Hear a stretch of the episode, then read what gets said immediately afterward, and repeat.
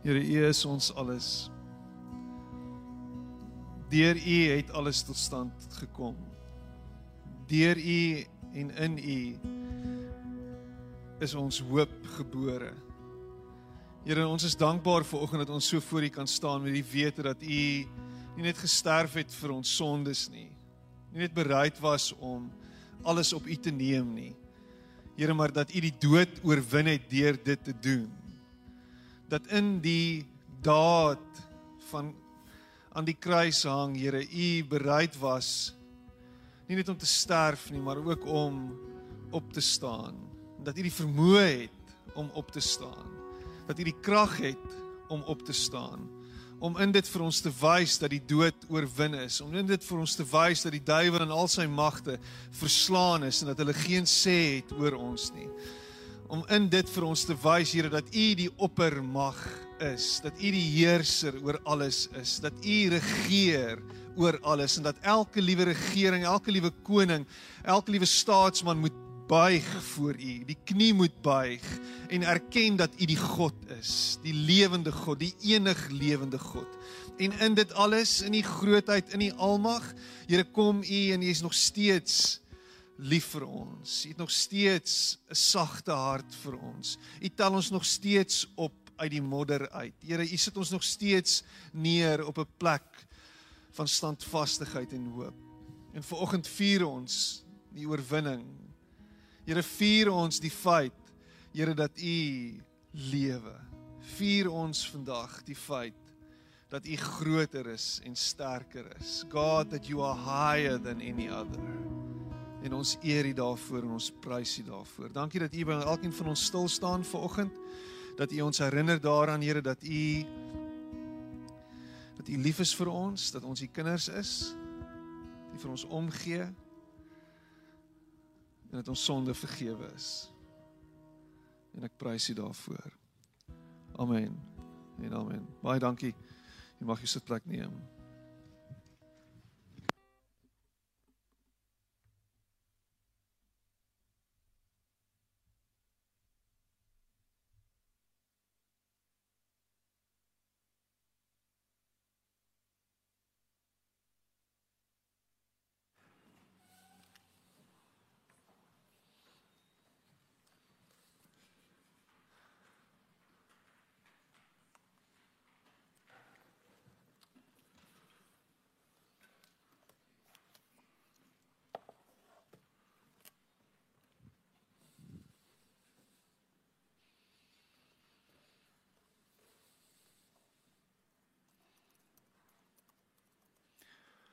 Gaan dit goed met elkeen van julle vanoggend? Dankbaar. Ek weet waarvoor ons dankbaar is vandag. Ons is dankbaar vir die feit dat hy die dood oorwin het. Dat hy die dood uitgeklee het. Dat hy die dood finaal vernietig het. Ons het vanoggend vroeg was ons op uh, Tygerberg gewees, Tygerberg Heuwel. Um ek hoor vir die wat daar was dat uh die die roete so 'n bietjie aangepas is. Ehm um, maar dat dit nog steeds mooi is. Ek het uh, mooi was. Ek het foto's gesien en ehm um, dit was pragtig geweest. Ek het 'n baie slegte nag beleef en vanoggend self my eie opstanding beleef. Dit was regtig asof ek dood was en nou weer lewe. So um, ek kon nie vanoggend maak nie, maar dit is vir my lekker om vanoggend hier te staan en en beter te voel en net dankie te sê aan die Here dat hy my deur die nag ook aangeraak het. My koors was hoog en ek het 'n sleg gevoel en ek is nou beter en en um dankbaar daarvoor. Dankbaar vir al die gebede wat opgegaan het. Ons gebedsgroep het vir my gebid en uh die Here het werklik ingetree en en iets spesiaals gedoen. Um so wat gewoonlik gebeur op 'n dag soos hierdie sal die priester sal die volgende sê. Hy sal sê he is risen. He is risen indeed. Dankie oom Piet. So, ons gaan nou sy voorbeeld volg ek gaan dit sê en dan gaan julle volg met he is risen indeed. He is risen. En dan gaan julle dit nou vir die tweede keer doen en julle gaan dit uitbundiglik doen. So dit gaan nou dit gaan nou iets spesiaals wees. Ek kan nie wag om dit te hoor en te voel en te ervaar nie. He is risen. Prys die Here. Hy het waarlik opgestaan En omdat hy opgestaan het, is daar vandag vir my en vir jou hoop. Is daar vandag vir my en vir jou lewe. As hy nie opgestaan het nie. As hy nie fisies opgestaan het nie, was dit alles 'n verdigsel gewees. Was hierdie 'n storie wat mooi opgemaak is? Was dit 'n storie wat regtig mooi aan mekaar gewewe is en pragtig geskryf is deur 'n literêre meester, maar dit was al wat dit was. Dit was net 'n storie gewees. As hy nie opgestaan het nie, was daar vir my en jou geen hoop gewees nie. Dan was ons soos die fatalis wat sê dit gaan alles maar eindig in niks. Alles gaan maar net tot niet gaan.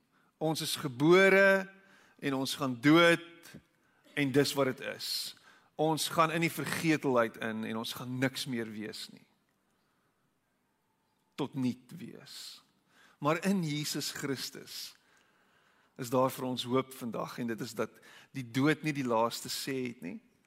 Dat die dood oorwin is en dat as gevolg van die kruis en die opstanding uit die graf uit is daar vir my en vir jou vandag iets om aan vas te hou. Wat is jou situasie vandag? Waartoe gaan jy? Wat beleef jy tans? Wat is dit wat jy face wat net te veel is, wat jou oorweldig? Wat is dit wat jy voel daar's geen uitkoms vir my nie? Jy het in 'n doodloopstraat aangekom. Wat is dit in jou lewe tans wat soveel is en so groot is dat dit vir jou voel asof ag oh, is nie 'n manier dat hierdie ding kan beter raak nie. Is dit nie wat gebeur het op Vrydag nie? Vrydag daardie goeie Vrydag as ons nou terugkyk met daai verskriklike Vrydag Jesus in 'n doodloopstraat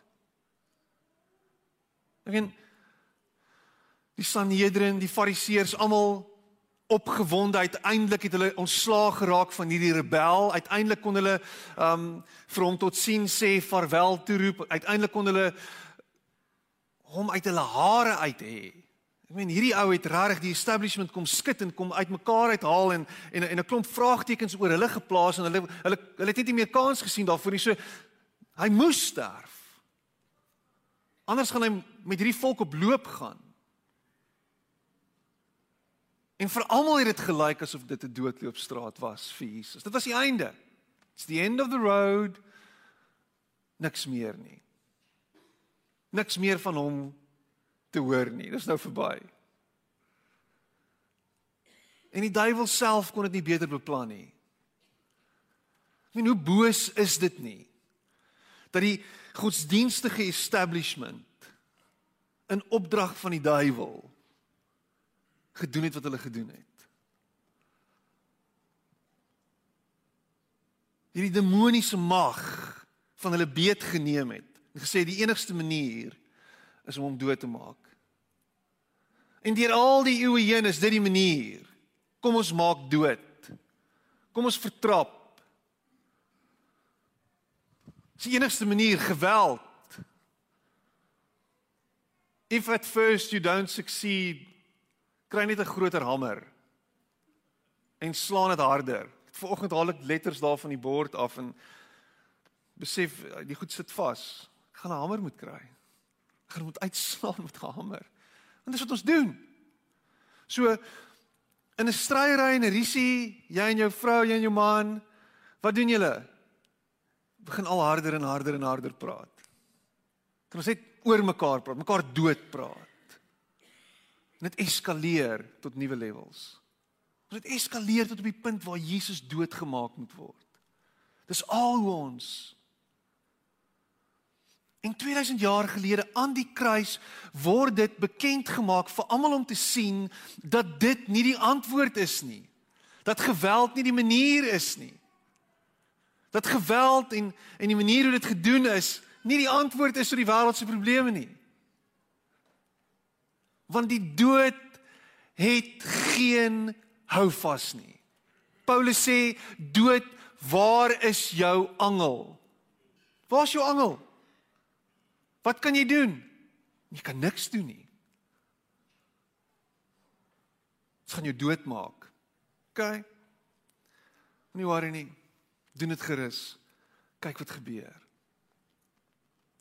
Nietzsche sê uh, imagine that quote van Nietzsche op Paas Sondag. Hy sê only where there are graves are there resurrections. Only where there are graves are there resurrections. Uit die dood en in die dood is daar altyd opstanding. Is daar altyd uitkoms. En as jy met wêreldse oë kyk, as jy met hedendaagse 21ste eeu se oë kyk na dood en na dit wat aangaan in die wêreld, dan dink jy vir jouself, daar's geen hoop nie. Dit gaan alles uitloop op wanhoop, op vernietiging. Alles. En kom Jesus en dan sê hy, nee, Julle mis die punt vandag nog 2000 jaar later mis julle nog steeds die punt. Die dood is nie die einde nie. Verwoesting is nie die einde nie. Hy het gekom en ons gaan nou lees daaraan in die tuin opgestaan, verrys hy uit die dood uit en hy begin 'n nuwe 'n nuwe wêreld kultiveer. 'n Nuwe wêreld maak, skep. Hy is dit gaan nie eendag gebeur nie. Hy's klaar besig daarmee. En die vraag is, is ek en jy deel hiervan? Is ek en jy in? Is ons saam met hom besig? Maar vir een of ander rede het ons 'n eskatologiese uitkyk, met ander woorde, 'n wêreldeinde uitkyk wat sê alles gaan vernietig word. Alles moet vernietig word. Vir een of ander rede. Vir een of ander rede vergeet ons dat die opstanding beteken dat alles gaan beter word. Nie alles gaan vernietig word en alles moet vernietig word en alles sal brand nie. Dis ou oë. Dis oë voor Jesus wat so kyk en so lees en so praat. Dis mense wat na na na na na Openbaring kyk en allerlei goed inlees en allerlei goeie sê en allerlei goeie doen met die teks en dit letterlik verkrag. Want ons lees dit letterlik. En ons mis wat Jesus gedoen het. Ons mis wat hy aan die kruis gedoen het. Hy kom en hy skep vir ons 'n nuwe toekoms. Hy skep vir ons 'n nuwe lewe. Vir een of ander rede is al die teoloë, die eskatologiese teoloë, die teoloë wat gryp en opgewonde is oor die eindtye, besig om te skuim om die mond as gevolg van die oorlog in Rusland. Hulle kan nie hulle self help nie. Hulle is bewe. Hulle is so excited hieroor wat nog 'n oorlog kom. In jou hele lewe, as jy Jesus volg, is die laaste ding waarna jy uitsien en waarna jy kyk, oorlog. Want dit is anti-Christus, anti-God.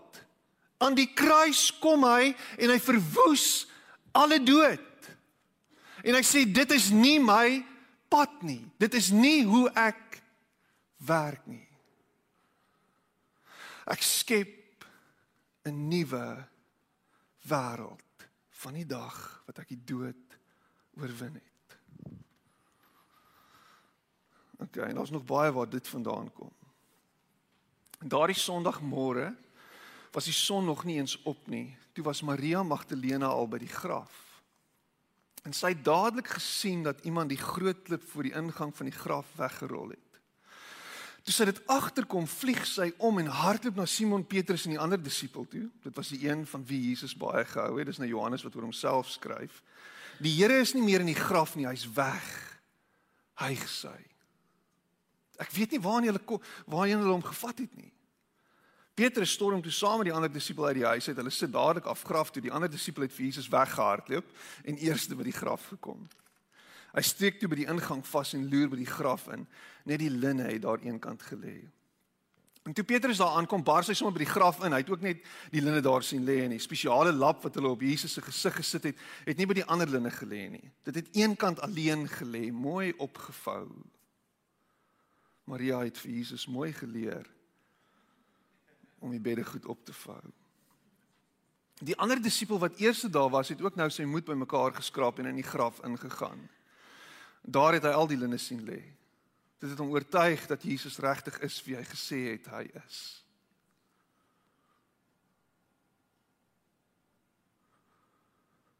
Man. En tot in daardie stadium het hulle nog nie verstaan wat die skrif daarmee bedoel het dat Jesus moes sterf en weer uit die dood moes opstaan nie. En daarna is die twee daar weg, elkeen na sy eie huis toe. Maria het by die graf agtergebly en hartseer gehuil. So deur die trane het sy by die graf ingeloer en daar presies op die plek waar die liggaam van Jesus gelê het, het twee hemelse wesens gesit. Hulle het helder wit klere aangetree en die een het gesit waar Jesus se kop gelê het en die ander een by sy voete. "Vir wat huil jy so?" Vra hulle haar. "Hulle het my Here se liggaam hier weggevat. En ek weet nou glad nie waarheen hulle hom gevat het nie," sê Maria hartseer. Met die kyk sy om. Daar sien sy iemand staan met 'n hoofletter U. Dit was Jesus. Maar sy het hom glad nie herken nie. En Jesus vra haar toe: "Waarom huil jy so? Vir wie soek jy?" Maria het gedog as die man wat in die tuin werk. "Asseblief, meneer," smeek Maria. "As jy hom uit die graf gevat het, sê my tog waar jy waar sy lijk nou is. Ek sal dit vat en verder daarna kyk." Maria. Maria, sê Jesus. Sy swaai vinnig om. "Rabbi," roep sy in Hebreëus uit. Die naam verwys na iemand wat mense leer. Man die vreugde net van oorstelp te wees dat hy lewe actually. Hy is nie dood nie. Sy was daar gewees. Sy het gesien waartoe hy gaan. Sy het gesien wat met hom gebeur het. Sy het trane gestort. Sy was devastated deur wat wat hom aangedoen is. Daar's nie 'n manier. Daar's nie 'n manier nie. En hier is hy. En sy word gekonfronteer met die lewende Jesus. Sy herken hom eers nie. Dit kan tog nie hy wees nie.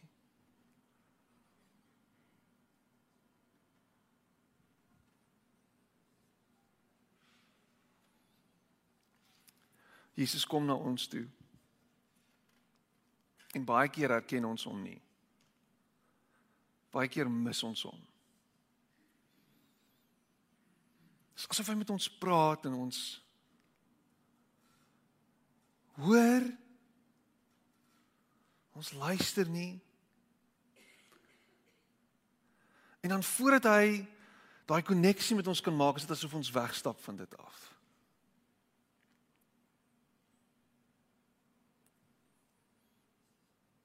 Ek wonder hoeveel van ons sit hier vandag en die Here het al met ons gepraat. Die Here het uitgereik na ons toe. Jy's in 'n hopelose situasie en en jy mis sy stem. Jy mis hom. Jy weet nie dis hy nie. Luister mooi vir my vanoggend. Omdat Jesus uit die dood uit opgestaan het, werk die ou manier van goed doen nie meer nie. Jy kan nie met jou menslike ore luister meer nie. Jy kan nie met jou met jou hoe jy kyk na hierdie wêreld en hoe jy na hierdie wêreld en met hierdie wêreld ek het 'n vriend wat altyd sê interakteer nie. Vaderland. Hoe jy met hierdie wêreld omgaan, kan nie dieselfde wees as voor Jesus nie. Jy moet met jou ore luister, jou geestelike ore, jou oë gerig op hom en sê Here, praat met my. Wat wil U vir my sê? En sy opstandingsstem gaan altyd 'n stem wees wat jou nooi na die opstandingslewe toe. Luister wat sê Chesterton. Ek het al hierdie skrif hierdie hierdie hierdie aanhaling met julle gedeel. Hy sê on the third day the friends of Christ coming at daybreak to the place found the grave the grave empty and the stone rolled away. In varying ways they realized the new wonder. The world had died in the night. What they were looking at was the first day of a new creation with a new heaven and a new earth. And in a semblance of a gardener, God walked again in the garden, not in the cool of the evening, but in the dawn. Man, hierdie is hoop vir jou en vir my, 'n nuwe begin, 'n nuwe lewe, 'n nuwe dag wat aanbreek. His mercies are new every morning, sê die skrif. Elke dag 'n nuwe dag wat aanbreek. Nie 'n wanhoopige uiteinde nie, nie iets wat iewers in die toekoms gaan gebeur en alles gaan platgevee word en 80 kernbomme gaan alles vernietig nie en dan is dit die einde nie.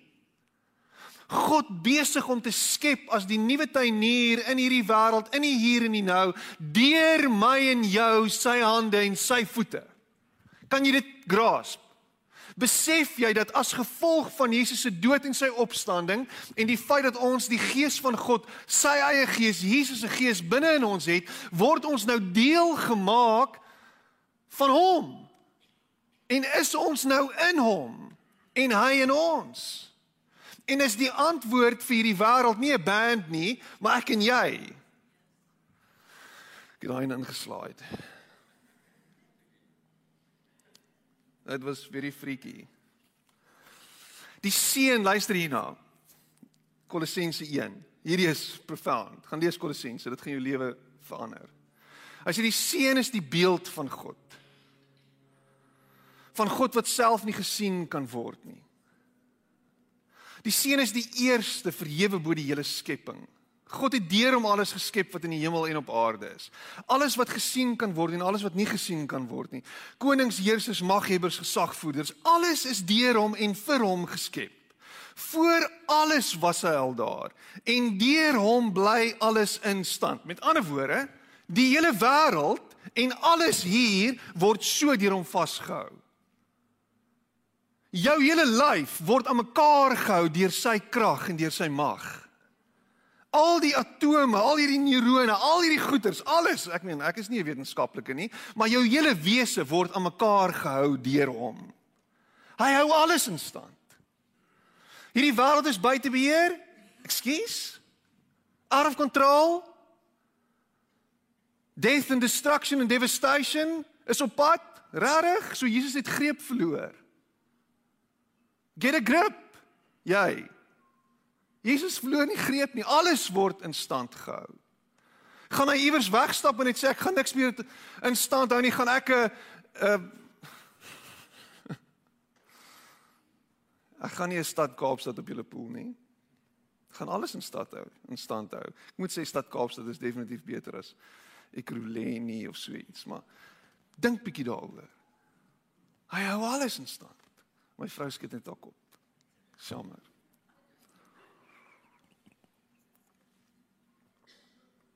Hy is die hoof van die liggaam van die kerk. Ek is nie die hoof van hierdie kerk nie. Die span is nie die hoof van hierdie kerk nie. Hy is die hoof. Hy is die oorsprong daarvan. Hy is die eerste, die een wat uit die dood opgestaan het sodat hy die eerste plek in die heelal inneem. Hy is heel voor. Hy is alles.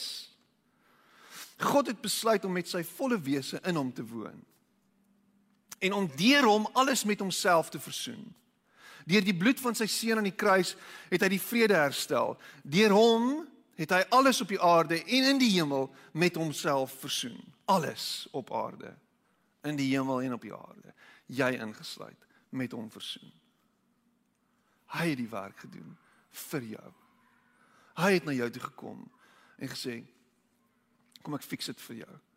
Kom ek fix hierdie verhouding. Kom ek maak dit heel. Kom ek maak dit reg. Ek sien jy kan nie. Ek sien jy struggle. Ek sien jy worstel 'n bietjie. Ek sien jy is nie lekker by nie. Kom ek doen dit. Kom ek maak myself oop. Ek stel myself bloot soos wat ek Vrydag gesê het aan die kruis.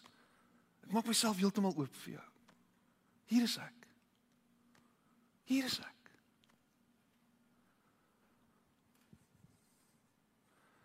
Dit oorweldig my.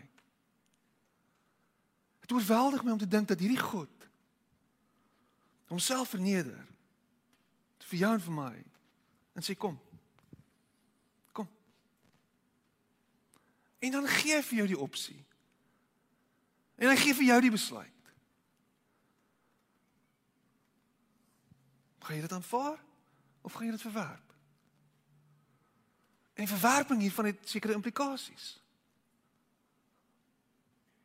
Die aanvaarding hiervan is 'n nuwe lewe. Is 'n nuwe manier van doen, van optree. nuwe manier van kyk na alles en na almal. Ons is in Suid-Afrika. Ons geskiedenis is redelik gebroke. Ek dit is alles Jan van Riebeeck se skuld, maar dis 'n storie vir 'n ander keer. As jy vandag nog steeds met oë kyk na almal rondom jou en al wat jy sien is die verskille, dan kyk jy nog nie met Jesus se oë nie. Dan mis jy dit. As al wat jy sien is kleur en politieke party, dan mis jy dit dan kyk jy nie met nuwe oë nie. As jy praat van hulle en ons, dan kyk jy met verkeerde oë. Dan mis jy dit.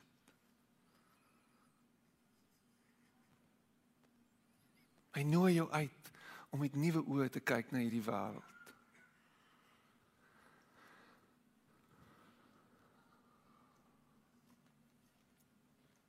Ek gaan dat die skrif met ons praat vandag. Ek het nie veel om te sê nie. Jy kan hoor.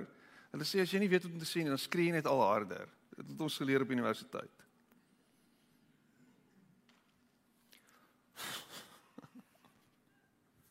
In Korintiërs 15 vers 1 tot 21. Dis 'n redelike lang, lang en 'n lywige stuk. So ek sal so hier en daar sal ek stop en ietsie sê daaroor. Dit sê ek herinner julle broers aan die evangelie wat ek aan julle verkondig het en wat julle ontvang het en waarin julle ook gefestig staan. Deur die evangelie word julle ook gered as julle vashou aan die boodskap soos ek dit aan julle verkondig het. As julle aan iets anders vashou, het julle te vergeefs tot geloof gekom. Die belangrikste wat ek aan julle oorgelewer het en wat ek ook ontvang het is dit: Christus het vir ons sondes gesterf volgens die skrifte. Hy is begrawe en op die derde dag opgewek volgens die skrifte. Hy het aan Sefas verskyn en daarna aan die 12 en daarna aan meer as 500 broers te gelyk van wie sommige al dood is, maar die meeste nou nog lewe. So wat hy sê is daar's ander mense wat hierdie storie kan bevestig. Jy sukkel vandag om te te glo dat die opstanding gebeur het. Paulus skryf eerstens, ek het met mense gepraat, hulle kan dit corroborate, Jesus het opgestaan. Ons gaan nie eers verder daaroor debatteer nie. Hierdie mense is geloofwaardige getuies, gaan chat met hulle. Party van hulle is al dood, maar ek kan vir julle die name gee van hulle wat nog lewe. Gaan praat met hulle. Dan hoor jy. Sy liggaam is nie iewers anderheen geskuif nie. Hulle het nie iewers anders van hom ontslaag geraak in die middel van die nag nie. Hy het opgestaan. Sy disippels het saam met hom geëet. Hulle kon hom vat. Hy het deur mure geloop en deur dakke en deur allerlei weird goeders gedoen. Ja, hy het maar hy was by hulle. Hulle het hom gesien. Hy lewe. So die laaste ding wat jy oor hoef bekommerd te wees vandag is dat jy in 'n verdigsel glo en in 'n een of ander kabouterland mite vashou. Dit dis dis nie van toepassing hierdie nie. Ek is Dawie. Die kabouter.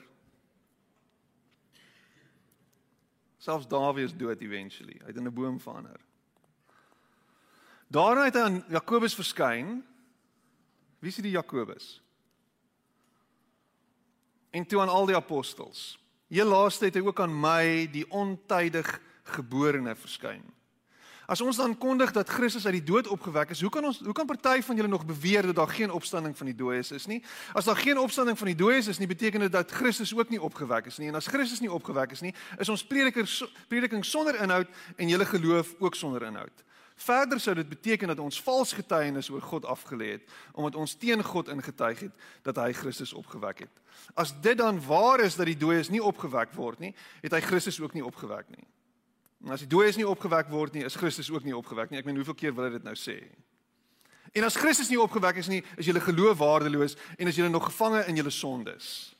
Dan is ook die wat in Christus gesterf het verlore. As Christus nie opgewek is nie, is jy nog steeds verlore in jou sondes. Daai sonde waarin jy vashou, wat jy dink jy nie sonder kan klaarkom nie, daai goed wat jou neerdruk, daai goed wat jou out of control laat voel, daai goed wat jou destabiliseer elke dag, daai goed, daai goed, daar's oorwinning vir dit. Jesus het opgestaan uit die dood uit. Daai goed het nie meer 'n hou vas op jou nie. Daai bloedlyn vloek Vaderland het nie 'n hou vas op jou nie. Jou pa se pa se pa se vrymeselery se whatever se wat waarmee hy ook al besig is, het nie 'n hou vas op jou nie. Ja, daai drankprobleem so in die familie het nie 'n hou vas op jou nie. Ja, daai sukkelary en daai sukkel sukkels bestaan en daai vloek van armoede wat oor jou gesin is, dit het nie meer relevantie nie.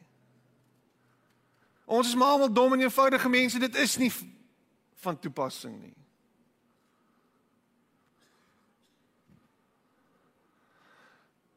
Die dood is oorwin en daarom is die sonde geen meer houvas op jou en op my nie. En daarom is daar 'n nuwe begin en 'n nuwe lewe wat vir elkeen van ons voorlê tot ons beskikking. Is die krag daar sodat jy kan breek uit al hierdie gemors uit?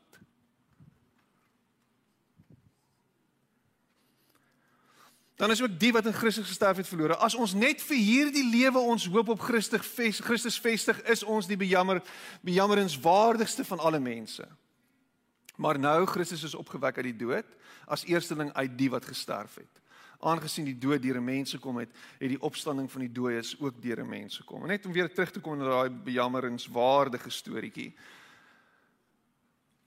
Vir een of ander rede het ons hierdie idee dat En ons maak dit ook so dat ons maak dit ook so dat omdat Christus uit die dood het opgestaan het, kan jy nou in oorwinning lewe en omdat jy in oorwinning kan lewe, nou is jy eintlik veronderstel om uit te troon en uit te styg bo jou omstandighede en as jy veronderstel om eintlik baie ryk te wees. Die prosperity gospel sê dit. So omdat Jesus uit die dood het opgestaan het, nou kan ons op hom hoop vir ons hier en vir ons nou en vir alles wat hier aangaan. En daar's 'n sekere sin en 'n sekere mate is dit waar. Ons hou vas aan hom, ons Vader wat in die hemel is. Laat die naam geheilig word, laat die koninkryk kom. Laat die wil geskied en dan sê hy gee ons vandag ons daaglikse brood. Ons kan vashou aan voorsiening in die hier en die nou. Maar dis nie alwaarop ons hoop nie. Want ons bid vir Here voorsien en help ons en dra ons en beskerm ons. Maar slegte goed gebeur nog steeds met almal van ons. Ons lewe in Suid-Afrika, die realiteit van ons van ons land se toestand is is daar vir almal om te sien. Mense het hulle werk verloor in hierdie afgelope 2 jaar van pandemie. Daar't slegte goed gebeur met 'n klomp van ons. Ons het mense aan die dood afgestaan. 'n Klomp goed het gebeur. En as ons net gehoop het op hier en nou in die fisiese in hierdie hierdie tasbare wêreld dan sal ons redelik teleurgesteld wees. Maar hy sê kyk verby dit. Dis nie waar ons hoop lê nie. Jy mis dit. Hierdie hierdie hierdie stukkie tydigheid, tydelikheid is net so klein stukkie. Is net so klein stukkie. Die ewigheid. Dis wat die opstanding doen. Hy gee ons 'n ewigheidsperspektief, 'n ewigheidsblik. Hy gee vir ons 'n wyeer perspektief as net die hier en die nou.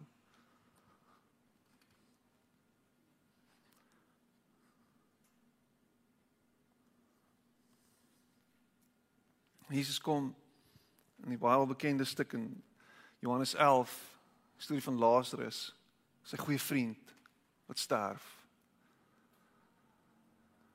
Sy susters teleurgesteld in Jesus. En dan sê sy sy een suster sê as iemand net hier was. As iemand net hier was, dan sou hy nie dood gegaan het nie. Maar nou Ek meen vir watter rede ook al was hy nou nie hier gewees nie en ek is ek meen ek is teleurgestel daaroor.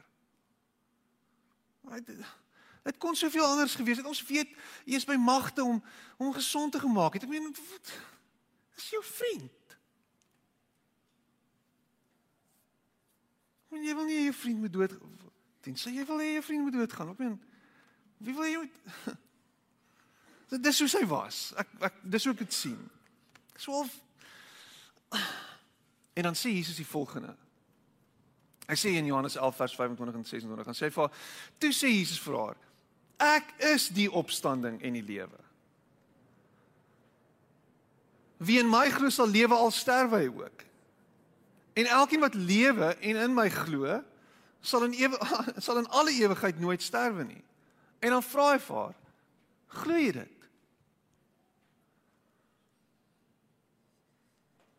En eintlik is hy besig om vir jou vandag te vra, glo jy dit? Glo jy dat hy die opstanding en die lewe is?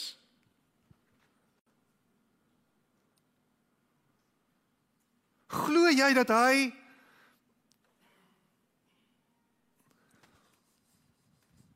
Hierdie is 'n triekvraag.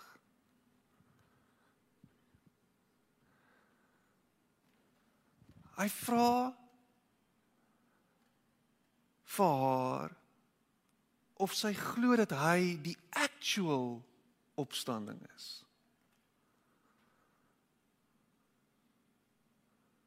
Hy vra nie vir haar of sy glo dat hy sal opstaan nie. Hy's besig om vir haar te vra of sy besef dat hy die opstanding is. Hy is die opstanding. Hy is die lewe. Nie hy gaan jou lewe gee en hy gaan jou laat opstaan nie. Hy is dit. Dis jou krag. Dis jou hoop. Hy is die opstanding. Hy is die lewe. Jou lewe kan nie van jou af weggeneem word nie. Want as jy in hom is, kan jy lewe al het jy gesterwe vir ewig. Hoekom is ons bang vir die dood? Ek vra dit weer. Wat is what's up met dit? As jy Jesus volg, is die laaste ding waarvoor jy bang moet wees die dood. En ek preek vir myself.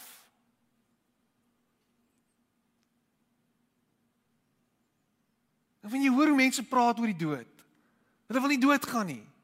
Daar was so rukkie terug was daar 'n advertensie wat opgekom het. Ek dink dit was 'n Sanlam advertensie. Hulle sê hulle die eerste persoon wat 200 jaar oud gaan word, is klaar gebore. As gevolg van mediese tegnologie en staf gaan ons iewers langs die pad langer kan lewe. En almal is soos, "Jay! Hoe gaan jy lyk op 150?" Uh, ek weet nie. Ek raai nou maar. Dit gaan verskriklik wees.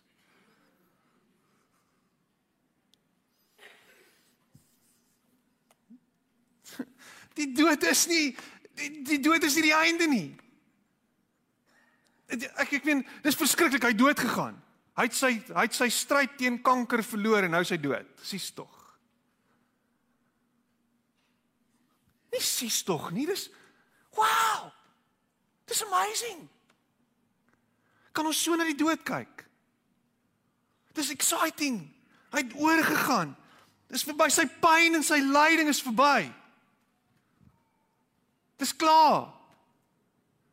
Hy hoef nie meer al die morfine te hê nie. Hy hoef nie meer al die chemo te gaan nie. Hy hoef nie meer al bestraling te kry nie. Dis verby. Daai pyn en daai lyding is verby. Dis wat die opstanding vir my en vir jou sê vandag. Dit is verby. Dis klaar. Hy sê dit aan die kruis, dis volbring. Dis gedoen. Want hy het geweet hy gaan nou in die graf in en hy gaan aan die ander kant uitkom en dan is dit Cheriola. Dis klaar. See, the resurrection gives my life meaning and direction and the opportunity to start over no matter what my circumstances. Dis hoop is dat dit nooit ikabot geskryf kan word oor jou lewe nie. Dat dit nooit die einde kan wees van jou lewe nie. Dat selfs in die hier en die nou daar vir jou 'n nuwe begin is. Kom ons terug daartoe dat jy selfs in die hier en die nou in oorwinning kan lewe. Ons kom terug daartoe. Daar is vir jou lewe na jou egskeiding. Daar is vir jou lewe na jou amputasie. Daar is vir jou lewe na jou groot motorongeluk en jou beroerte. Daar is vir jou lewe na jou hartaanval. Daar is vir jou lewe na jou breinskade. Daar is vir jou lewe na jou likwidasie. Daar is vir jou lewe. Hoekom? Die opstanding. Die opstanding. Die opstanding. Maar jy kan voor daai graf bly sit en bly huil en bly treur en jouself oortuig dat daar geen hoop is nie. Of jy kan in die graf instap en sê, "Ha. Die graf, ha, die graf is leeg. Die graf is leeg. Hy het opgestaan. Daar's 'n nuwe begin."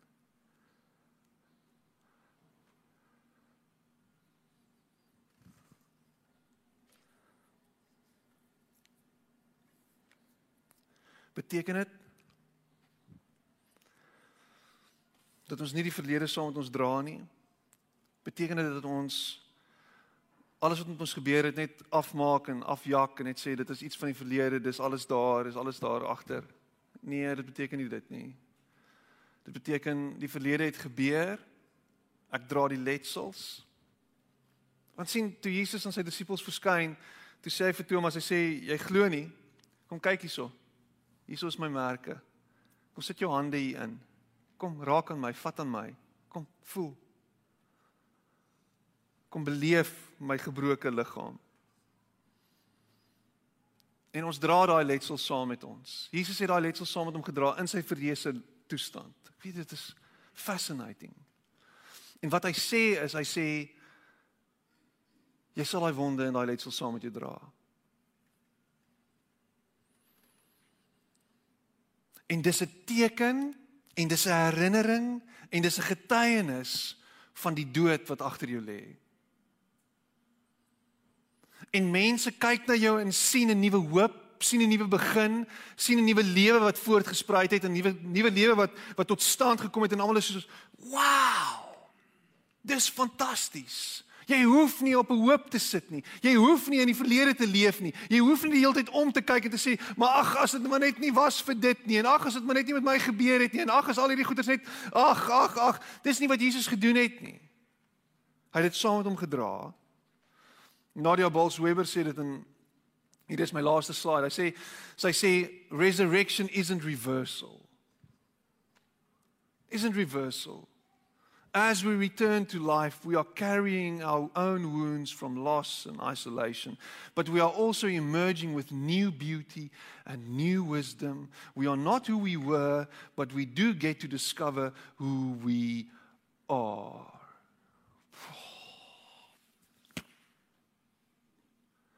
In Jesus is daar nuwe lewe vir jou en vir my is daar 'n herontdekking van onsself. Is daar 'n nuwe wese wat tot stand kom. En uit dit uit ontdek ons hom. Sy teenwoordigheid in ons. Wat hy vir ons instoor het. Wat hy vir ons beplan. Wat hy vir ons wys. En dis beter as wat dit was. Altyd. Jy sit hier en sê, weet jy wat, ek is nou beyond my midlife crisis. Ek is nou al aan die ander kant uit. My lewe is nou korter as wat die lewe, 'n stukkie lewe wat voor lê is korter as as dit wat agter my is. Wat se hoop is daar vir my? Die opstanding gee vir jou hoop. Dat hierdie laaste kwart of 10% van jou lewe die beste deel van jou lewe sal wees. Want jy kyk met reikhalsende verlange uit na daardie finale dag wat jou dood vir jou die nuwe lewe gaan gee. En in aanloop tot dit is jy besig om elke dag te ontdek dat hy vir jou genade het. Dat hy saggies met jou werk. Dat hy lief is vir jou dat hy omgee vir jou en dat jy nie alleen is nie. Nie vir een oomblik nie. Danksy die opstanding is die gees van God, die gees van Jesus. Hy self binne in ons. En is daar vir ons hoop vir 'n nuwe môre. Ek gaan jou weer vra, ek sluit af hiermee. Wat is jou situasie volgend? Wat gaan aan in jou lewe? Het jy hoop verloor? Het jy opgegee? Lewe jy in die verlede? Is jy besig om in fantasiewêrelde te leef en net want jou huidige situasie is te terrible?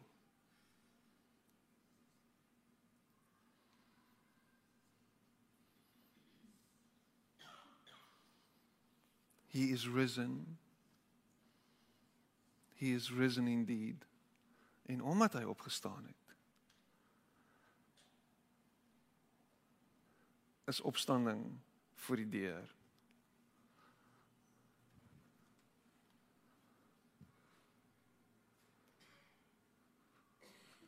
Dood is nie die einde nie. Dis maar net die begin. En dis 'n groot avontuur. Kom ons sit net so en dan bid ons saam.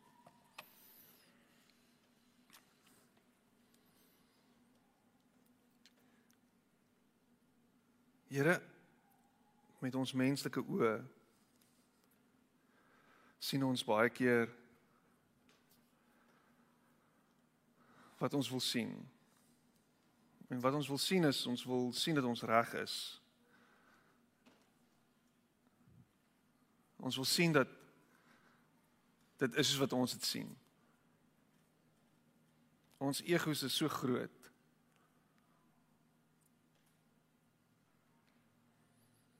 Here maar as ons met U te doen het dan dan word ons herinner daaroor dat U reg is. Met ander woorde, maak nie saak wat ons sien nie maak nie saak wat aangaan in ons lewe nie. U sien altyd anders. U weet altyd beter. Here, U weet wat om die draai lê. U wat weet wat voor die deur is. En dis opstanding. Baie keer is goed dood in ons lewe, Here. En hier sit mense ver oggend wat wanhoopig is. Alle hoop is gone. My my verhouding is in die drein af.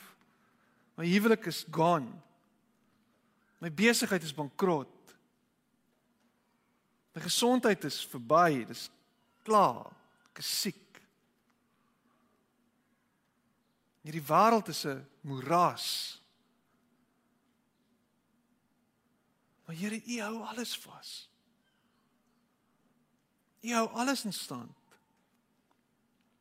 En in een oomblik kan hy dit wat dood is lewendig maak. En ek wil vandag kom en ek wil lewe spreek in elke dooie situasie. Here, ek spreek lewe in dooie bene in. Ek spreek lewe in siek liggame in. Here ek spreek lewe in dooie verhoudings. Here ek spreek lewe in dooie besighede. Here ek spreek lewe in gedagtes wat so gevange ge gehou word deur die mag van die duiwel. Ek spreek kettinge wat breek. Ek spreek lewe in gedagtes. Ek spreek lewe in harte. Here ek spreek lewe daar waar daar geen lewe is nie. En dis nie ek wat dit spreek nie, ek spreek dit in Jesus naam. U kom en u herstel en u maak heel en u maak nuut. En dankie Here dat die donker ons herinner wat lig is. Die donker ons herinner dat daar lig is. Here ons kyk rondom ons en ons sien net donker, maar die donker is daar omdat daar lig is en die lig sal deurbreek elke keer, elke keer, elke keer. Dankie Jesus dat U die lig is. Dat U die lig vir die wêreld is. Dankie dat U lig skyn op elke donker situasie. Op elke donker emosie, op elke donker gedagte. Dankie Here dat U lig skyn en die duisternis verdryf en die dood oorwin en ek eer U daarvoor en ek prys U daarvoor en ek dank U daarvoor. Mag ons wonde vir ander mense 'n getuienis wees Net soos dat u wonde 'n getuienis is. Mag ons wonde vir ander mense hoop gee. Want die nuwe lewe het gekom. Ek prys U daarvoor. Amen. En amen.